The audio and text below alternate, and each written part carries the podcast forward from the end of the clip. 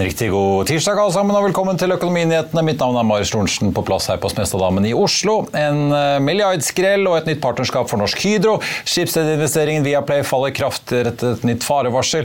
Ivar Tollefsen Seimstaden tar nye nedskrivninger innen eiendom. Og oljefondet gikk i minus i tredje kvartal. Det er noen av overskriftene på denne 24. oktober. Mer om dette og en prat med Trygve Egnar blir det i dagens sending. Men eh, la oss titte litt på nøkkeltallene for markedet aller først. Hovedveksten ligger opp en 0,6 eh, i dag etter fallet vi så i går. Futuresene på Wall Street peker oppover etter en litt blandet avslutning der i går. Vi ser også litt sprikende piler rundt oss på kontinentet. Det samme så vi også i Asia i eh, morgentimene. Nordsjøoljen er i hvert fall i spotmarkedet under 90 dollar fatet igjen. Ligger nå på 88,90, selv om noen av kontraktene de neste månedene ligger over denne litt symbolske grensen, men spotprisen er altså ned nesten 2% i dag. Så er det da via Play faller 15% på børsen i Stockholm etter varsel i går kveld om at regnskapet for tredje kvartal utsettes. Det skulle egentlig bli lagt frem i dag. og Det gjøres da pga. pågående forhandlinger om en refinansiering eller et potensielt salg av hele selskapet. Det kom også frem i meldingen som ble sendt ut i går. Aksjen er jo ned 88% så langt i år. Skipsted eh, som jo ikke bare har kjøpt seg opp i Viaplay, men som også jobber med et mulig salg av Adevinta. Falt jo nesten 7 i går da, på ryktene om at dette Adevinta-salget, i hvert fall potensielle salget til Blackstone og Parmira, har gått opp i røyk. De henter seg noe inn i dag og stiger en snaue 2% Det kommer jo da en, eh, si, en resultatspresentasjon i morgen tidlig med Kristin Skogelund, som mange går og venter spent på. Solstad Offshore falt nesten 18% mandag etter nyheten om denne refinansieringsplanen med Aker. Tirsdag ser vi at aksjene er opp drøye 4% igjen. Og så er det Borregaard som har kommet med sin kvartalsrapport. Renteutgiftene nesten doblet seg for biokjemiselskapet i Østfold i tredje kvartal. Likevel klarte de å øke bunnlinjen med 50 millioner kroner. Aksjen den stiger rundt 5 i dag til nærmere 160 kroner aksjen. Så må vi også svinge kort innom eh, Norges tredje største oljeselskap, Vår Energi, som kom med sine tall i dag. Det var jo da for øvrig den nye konsernsjefen Nick Walker sin første kvartalsrapport. De klarte ikke å overgå analytikernes forventninger, men resultatene tikket oppover, og selskapet satt igjen med da 10 milliarder kroner før skatt. Produksjonen skal for øvrig da dobles fra, litt, eh, fra rundt 200 000 fat dagen i dag til rundt 400 da ved utgangen av 2025. Selskapet er jo bl.a. i ferd med å overta Neptune Energy sin norske virksomhet, i tillegg til å åpne mange egne nye felt, og aksjen den er opp en rundt 2,5 i dag. Vi hadde for øvrig besøk av Nick Walker på Børsmorgen, så hvis du gikk glipp av det, så finner du det både i podkastspilleren din og i TV-arkivet. Statens pensjonsfond utland, eller oljefondet som de fleste av oss kaller det, fikk i tredje kvartal en avkastning på minus 2,1% Det betyr i kroner og øre minus 374 milliarder, det. Nestleder i oljefondet Trond Grande peker på at det særlig var sektorene teknologi, industri og varige konsumvarer som bidro negativt. Hvis vi titter på de ulike komponentene i fondet, så var aksjene da opp 2,1% rentene ned 2,2 mens investeringene i unotert eiendom lå på minus 3,3. Og unotert infrastruktur, inkludert fornybar energi, var minus 2,4. Vi får for øvrig merke at fondets verdi samlet sett steg til over 15 000 milliarder kroner etter at regnskapet for tredje kvartal ble avsluttet i september. Og så har vi eiendom, da. Heimstaden, som mange følger med på. Dette store imperiet til Riva Tollefsen gjorde nye nedskrivninger i eiendomsporteføljen eh, for femte kvartal på rad. Nå i tredje kvartal så trakk de ut 4,9 milliarder til nå ned til 332 milliarder. Til sammenligning så har Entra så langt i år skrevet ned sine eiendommer med underkant av 5 milliarder, de også. Gjeldsgraden i Heimstaden økte til 55,1 i hele 2021 prøvde de, og i hele 2022 prøvde de også uten hell. Ja, det har ikke vært så lett for Hydro å få til den mye omtalte børsnoteringen av fornybarselskapet Hydro Rein. Men Trygve Hegnar, det kom litt nyheter i dag fra Hydro i tillegg til kvartalsrapporten, nemlig at de har fått seg en eh, fornybarpartner, kan vi kalle det det? Ja, altså selskapet er litt vanskelig å forstå da, akkurat i dag. Fordi at Basert på det du sier, denne nyheten, så har da aksjekursen opp 4 Det er en av vinnerne på Oslo Børs, og aksjen er tredje litt under 60 kroner. Men altså, i tredje kvartal må jeg nevne det at salget gikk jo ned fra i fjor med 10 milliarder kroner, hvis jeg ikke husker rett. Og resultatet gikk fra liksom pluss 7 milliarder til null. Så det er en fryktelig utvikling sånn eh, salgsmessig og resultatmessig. Som da blir reddet av et samarbeid på det fornybarsektoren, hvor de har et selskap som nå prises ganske høyt. Fått en utenlandspartner som skal da ha 49% og Hydro 51% Men altså i år så er Hydro ned 13 ja. Det er en slapp, trøtt aksje, mens markedet er opp 6% Det er ikke så veldig bra. Og Hydro er også da kontrollert av staten. Staten har 40 av, av selskapet via da oljefondet og, og, og, og Folketrygdfondet. Så, det, altså, så Hydro er uspennende, rett og slett. og Det liksom svinger litt med konjunkturen, aluminiumspris osv. Men de får ikke noe tak på det, og markedet liker ikke. og Det skyldes kanskje da at staten har den store andelen har. Det skyldes også det at liksom det svinger så voldsomt som det nå gjorde da i tredje kvartal. Altså Et fall i salget på 10 milliarder er ganske mye. Og et fall i inntektene i, i nettoen fra 7 milliarder pluss til minus et par hundre millioner, det, det, det tåler ikke markedet. Så den, den fusjonen, eller den, på en måte salget av halvparten av det selskapet de har, det kan jeg ikke så mye om. Men jeg syns liksom det at Hydro er en ganske trøtt, kjedelig greie. Men det har jo vært tungt for en del industriaksjer eh, i år, da? Det, tror du de lever under litt sånn resesjonsfryktpress? Altså, ja, de store selskapene har jo altså, vært truet av en resesjon. Det har vært truet med resesjon i USA, truet med resesjon i EU, truet med resesjon i Norge.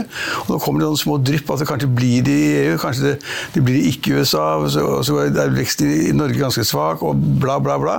Så folk liksom holder litt igjen på de store, tunge selskapene. fordi at de regner med at hvis det blir en resesjon, så blir da veksten lavere, selskapene tjener mindre penger, marginene blir dårligere, går inn i dårligere tider aksjekursene faller. Alle har trodd i et år. Vi er jo ikke der i det hele tatt. Men for Hydro så er situasjonen den at de på en måte merker at de er kanskje utsatt for en kommende resesjon, og at de da på en måte gjør det veldig mye dårligere. Ja. Og så kanskje tryller man litt med det selskapet, fornybare selskapet. Så får man satt en høyere prislapp på det. Kanskje det går bra, det vet jeg ikke. Vi får i hvert fall inn disse australierne skal hoste opp da inntil 332 millioner dollar, er det vel, eh, Macquarie? Ja, men det er ikke så mye penger det gjelder, da. Nei, men det sikrer jo finansieringen av prosjektene til Hydro Rein. Så det, ja, ja, det kan, det kan, puste lettet ja. utover eh, på Vekerø i dag. Ja, men det er noen som har sagt at, at Hydro er dødsens dårlige på å selge selskaper og prise selskaper. fordi at de, de skulle solgt dette på et tidspunkt, og Røkke-selskapene solgte seg ut av liksom alt som het fornybart til en kjempepris. Fikk høy notering på, på, på, børsene og fikk masse penger inn. og Hydro satt og sov hele tiden. og da Når alle de andre er ferdige og kursen har begynt å falle, så kommer da Hydro med sin plassering av dette selskapet. Sier noen. Det kan, ja, det kan se ut som de var litt uh, på avtrekkeren. For det skulle jo skje i 2021, så ble det aldri noe av. Så skulle det skje i 2022, så ble det aldri noe av. Og så skulle Nei. de finne en industriell partner, så det har de jo nå gjort. Da. Da, de, de, årene, eller halvannet året hvor liksom markedet var helt overkine på å kjøpe disse typer selskaper til overpris, da var ikke Hydro der i det hele tatt. Men så slapp jo Hydro å få det som Aker har opplevd, at de satte dette på børs, og så bare knakk kursene sammen etterpå. ja, ja, de slapp det.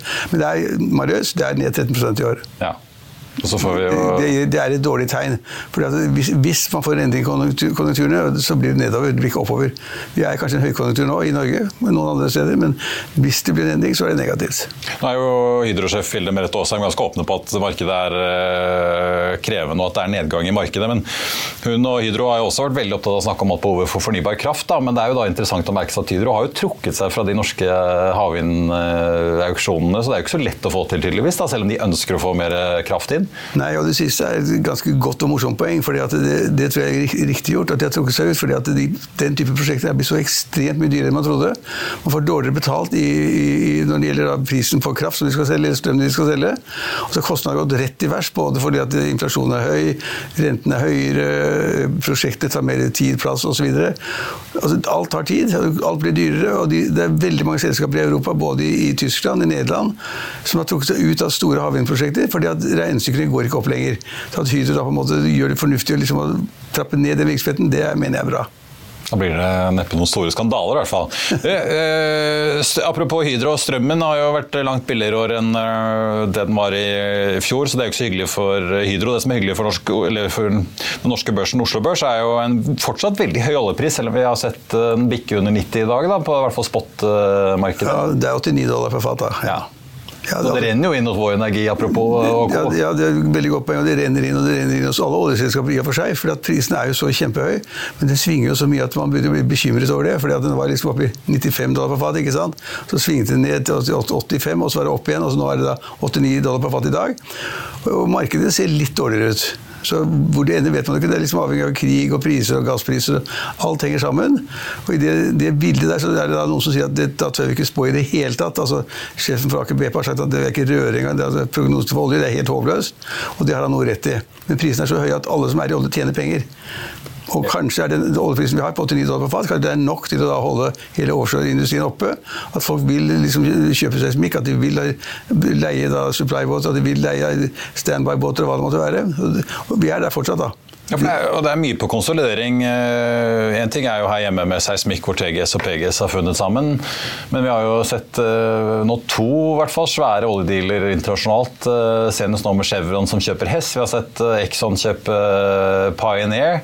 Og det er rene aksjedealer hvor de bare slår seg sammen og alle blir med videre på festen og virker strålende fornøyd. For det kan man gjøre for prisen er så høy. Oljeprisen, liksom, du, du, du, kan forsyne deg. De har så store reserver, tjener så mye penger at de kan kjøpe nesten hva de vil. Og da får du den type transaksjoner som er ganske fornuftige, egentlig. Mm.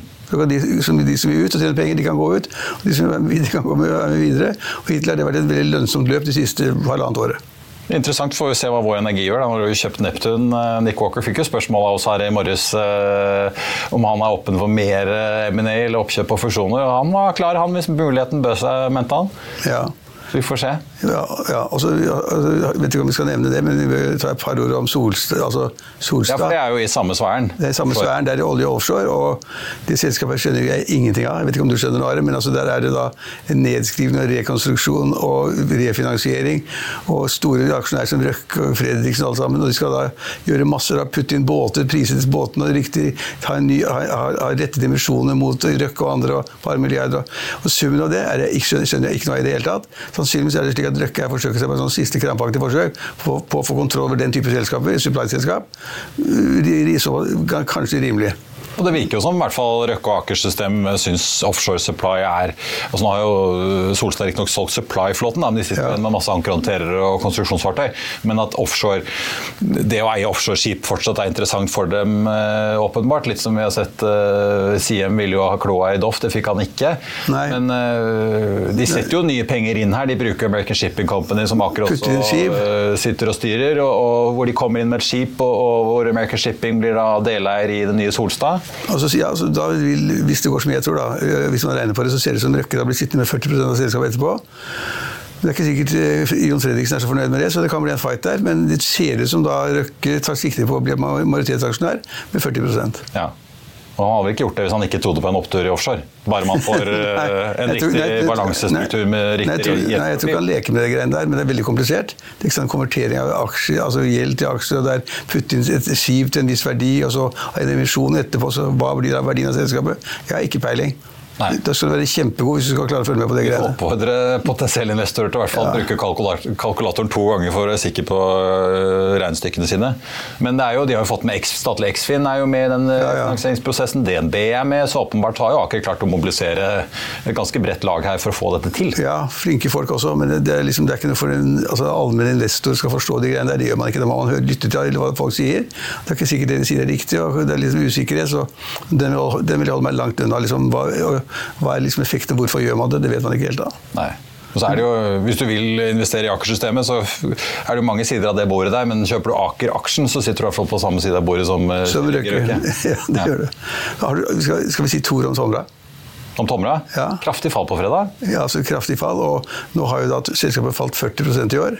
Eller mer, kanskje. Nærmere 50, altså over, 50, over 40% Og det er et kjempefall. Og det er fordi at selskapet guider helt liksom, blir dårlig fremover. Salget blir dårlig, overskuddet blir dårlig.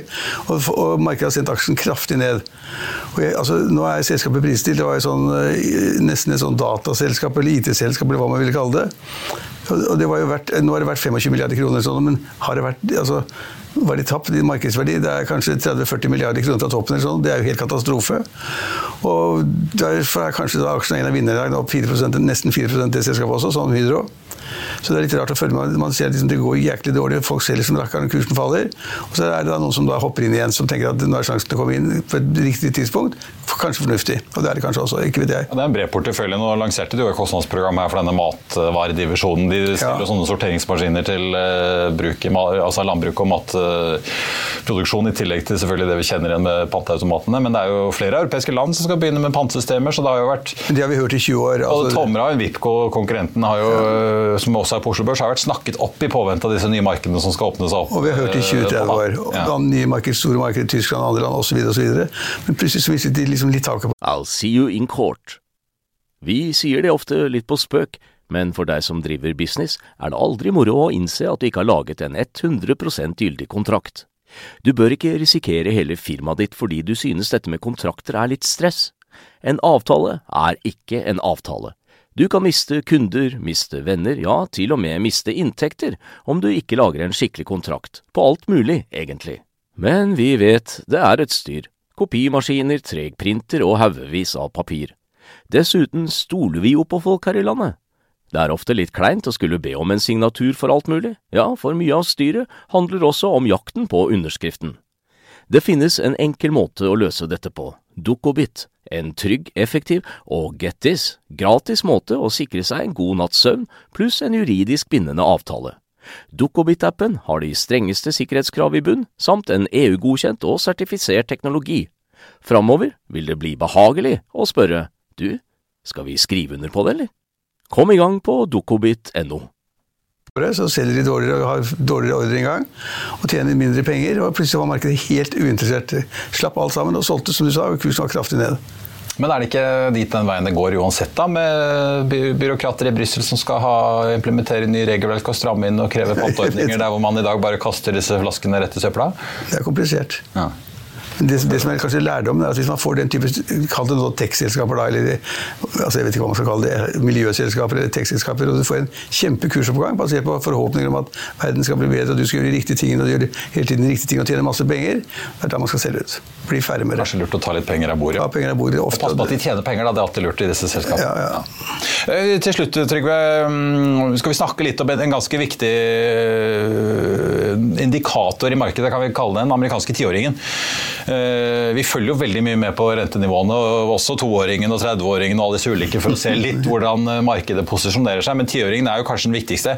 Vi så den plutselig bikke over 5 eh, her nå for første gang var vel 2007? eller noe? 16 år siden sist. Sånn. Nå er vi nede på 4,85 igjen, så vi har jo liksom Ja, men 4,85 er nesten 5 ja. altså det er ikke langt fra. Og, og, og vi ser på den, og den tiårige statsobligasjoner, det er interessant å se på. Det er liksom hva den amerikanske staten må betale for å få penger inn i statskassen, og da legger du til obligasjonene. Og hvis man da kan få fra den amerikanske stat 5% risikofritt rente til løpeforfall, så det er jo det er ikke så dumt, det, da. Altså Risikofritt å få 5% på pengene. Skal konkurrere med penger i markedet hvor du har liksom en prisvekst på 3-4-5% på toppen av den inntjeningen du skal ha. Så det er mange som ser veldig på den, og den renten er symbolrente for mange andre renter også. Og da den passerte 5% så da tenkte markedet at nå er det noe helt klin gærent her. Uh, og hvorfor skal man da liksom gå inn i risikofylt investering hvis man da kan få den, den risikofrie renten? Vi, men plutselig så faller det liksom tilbake som du nå sier, så faller det tilbake til 4,85 eller 4,84 eller sånt. Jeg vet ikke om det er viktig, jeg vet ikke om det er liksom noe signifikans i det, det vet jeg ikke faktisk. Men jeg syns at renten er høy, og det er, det er, egentlig dårlig for markedet. Den trekker liksom det øvrige renter også opp. Vi får et høyere rentenivå enn man ellers ville fått, og det er negativt for markedene. Så det er negativt når den, liksom, når den renten når 5% eller mer. Det er negativt. Ja. Var jo Bill Ackman, kjente forvalteren, var ute og sa at de hadde lukket short-posisjonene sine på renter. Ja. og Det var vel nettopp kanskje et resultat av den oppgangen vi har sett utover sommeren og høsten? da? Ja, det tror jeg. Ja. Så, ja, så det er mye man kan si om rentemarkedet, men uh, det er jo den uroen i markedet. Liksom skal rentene i USA opp eller ned? Og De fleste har sagt at den skulle senkes. Nå sier man at renten vil ikke gå ned i USA. Den vil kanskje holde seg flatt, og kanskje gå opp etter hvert, men ikke ned. Flatt, opp etterpå. Og Det samme ser vi i Norge. Liksom, vi var jo helt sikre på at vi skulle få en, rente, en renteøkning i Norges Bank i desember. Helt sikre liksom, på en kvarting. At renten ville da nå 4,5% Nå sier markedet liksom at nei, altså, det er såpass dårlige tider at liksom, det er ikke sikkert at det blir en kvarting i desember heller. Uh, men det blir ikke noe fall. Det er helt sikkert. Og så blir det kanskje kanskje det er en flatt marked, rentemarked i halve første delen av 2024. Og inn mot 2025 så skal man da kanskje begynne å senke renten igjen. Men summen av alt, enten det er USA, hvor renten da ligger høyere enn man trodde, og i Norge, hvor rentene da skulle liksom ganske helt sikkert opp, og kanskje ikke går opp, så vi har, vi har et høyere rentenivå nå, og det, det, er på en måte ikke bra for næringslivet.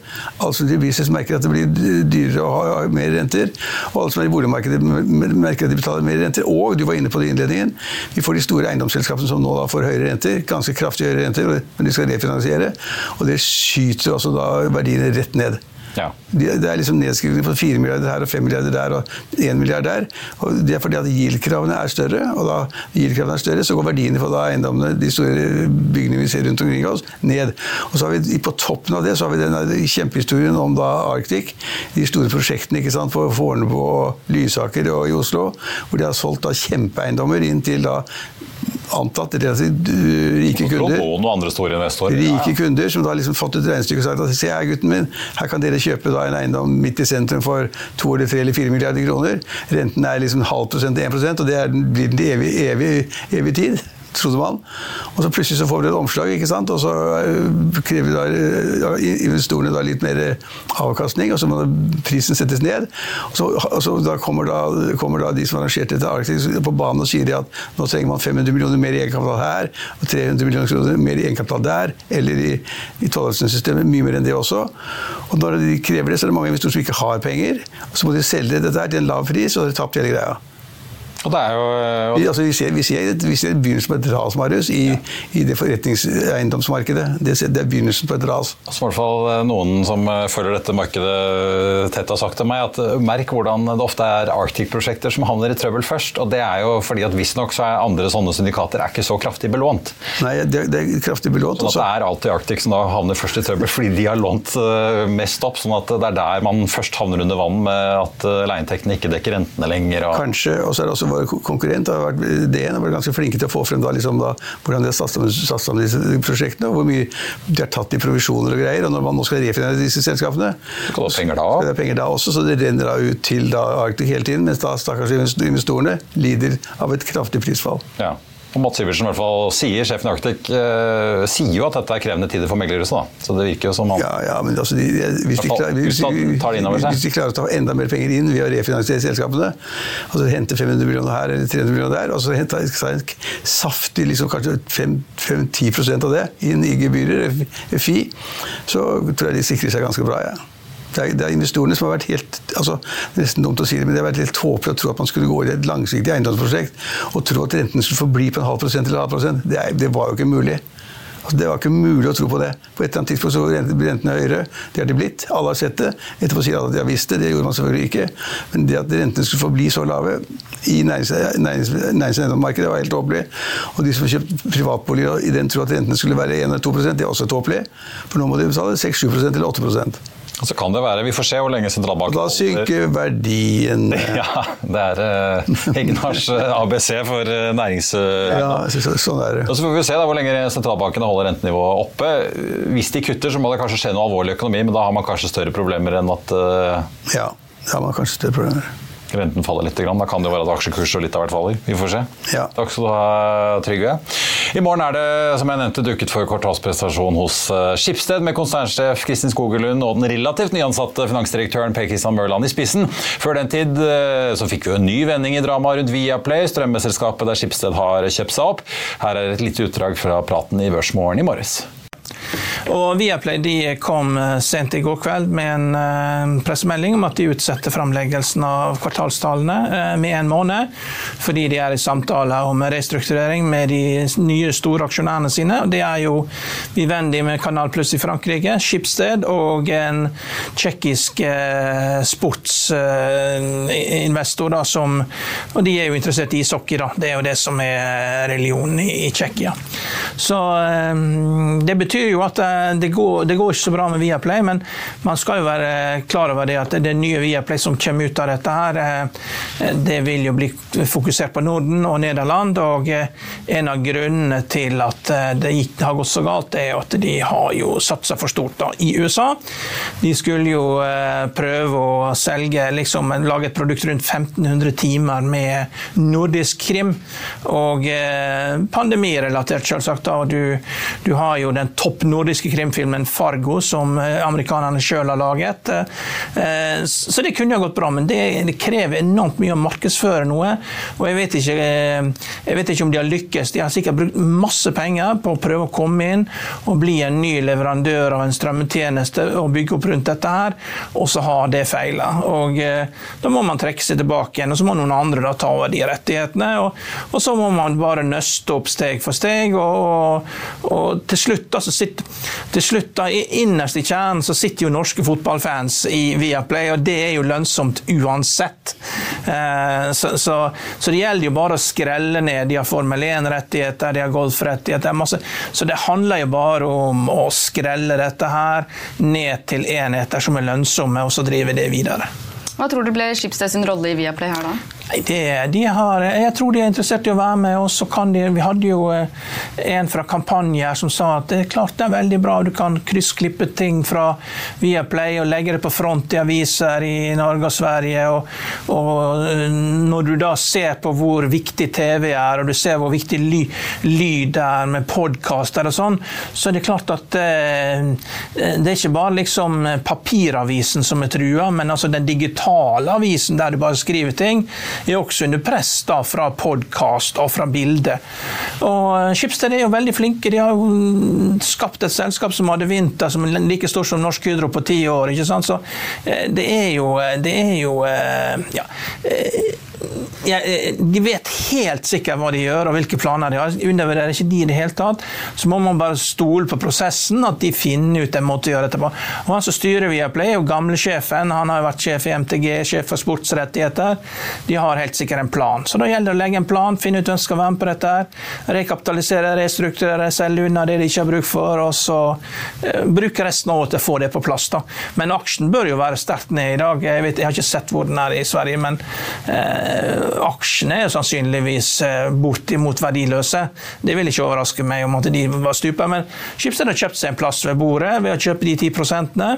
Og det betyr jo, og det er viktig da i en sånn, sånn prosess som dette, at du viser vilje til å, eh, til å være med og restrukturere via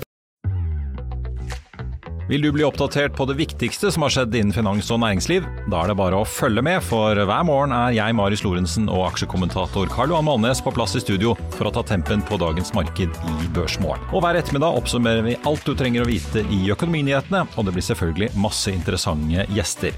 Klikk deg inn på fa.no-tv, eller søk opp Børsmorgen og Økonominyhetene der du hører på podkast.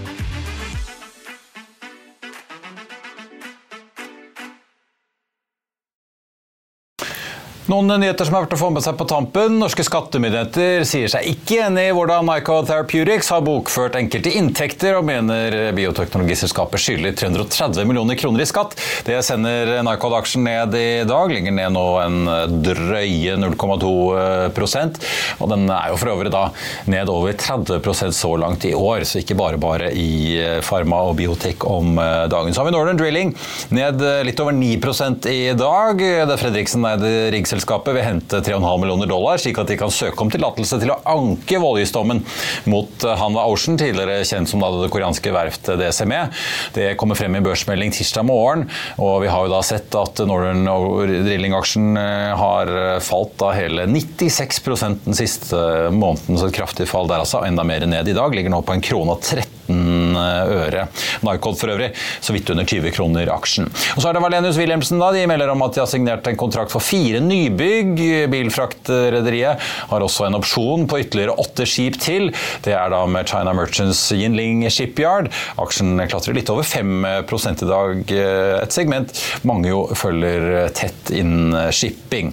Så har vi jo da Oslo Børs, hovedindeksen der, oppe 0,7 i dag. Så da ser det ut til at vi får en ganske pen innhenting der etter fallet i går. Handelen på Wall Street er bare 33 minutter unna. Futuresene peker fortsatt oppover en drøy halvprosent etter en litt blandet avslutning der i går. Tiåringen som vi nevnte, ligger på fire ja, drøye 85. Vi har jo sett faktisk fem blank og litt over det tidligere denne uken. Vår Energi som er ute med tall i dag, opp 1,2 De får selskapet av Aker BP. Så kommer betall da på fredag. De er opp 1,9. Equinor er ned 0,3 i dag, med en oljepris som altså fortsatt, i hvert fall i spotmarkedet, ligger under 90 dollar fatet. Har falt litt tilbake. Vi startet jo der tidligere i dag. Nå er vi da på 88,82, eh, men litt sprik i de ulike kontraktene de neste par eh, månedene. Norsk Hydro stiger, ganske overraskende for mange, fortsatt opp 4,7% der. Vi ser Solstad har falt litt tilbake. De så ut til å hente inn noe av det tapte fra i går, men er nå svakt i eh, minus. American Shipping også mye ned i dag. De er jo da med i denne store restruktureringen som skjer i regi av Aker. Viaplay, som vi har snakket om, ned fortsatt. Godt over 15% på børsen i Stockholm. Borregaard opp nesten 5% etter sin eh, kvartalsrapport. I Finansavisen i morgen så kan du lese Trygve Egnars leder, og der kom han med et forslag til løsning for Fosen-samene og regjeringen i striden om vindmøllene. Du kan lese hvordan da kjendisinvestor Bill Ackman snakket langrentene ned gjennom en twittermelding. Det ble mer om sirkusrefinansiering, eiendomssyndikatene til Arctic Securities, og så blir det også selvfølgelig mye mer fra kvartalsrapportene til selskaper da, som Vår Energi, Oljefondet og Heimstaden. Det var vår sending på denne tirsdag 24. oktober. I morgen er kalenderen like full, får vi si. Vi får tall fra selskaper som Skipsted, Telenor, Elkem, pluss masse kvartalsrapporter utenlands. Og i kveld så kommer også Microsoft, får jeg minne om. Det kan du selvfølgelig lese mer om på FA1 og utover kvelden. Vi er på plass igjen i hvert fall her i morgen tidlig med Børsmorgen 08.55, og så blir det også Økonominyhetene 14.30 det.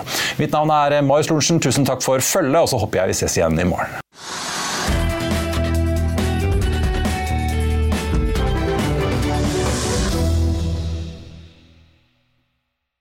Økonominyhetene er en podkast fra Finansavisen. Programledere er Marius Lorentzen, Stein Ove Haugen og Benedikte Storm Bamvik. Produsenter er Lars Brenden Skram og Bashar Johar. Og ansvarlig redaktør er Trygve Hegnar.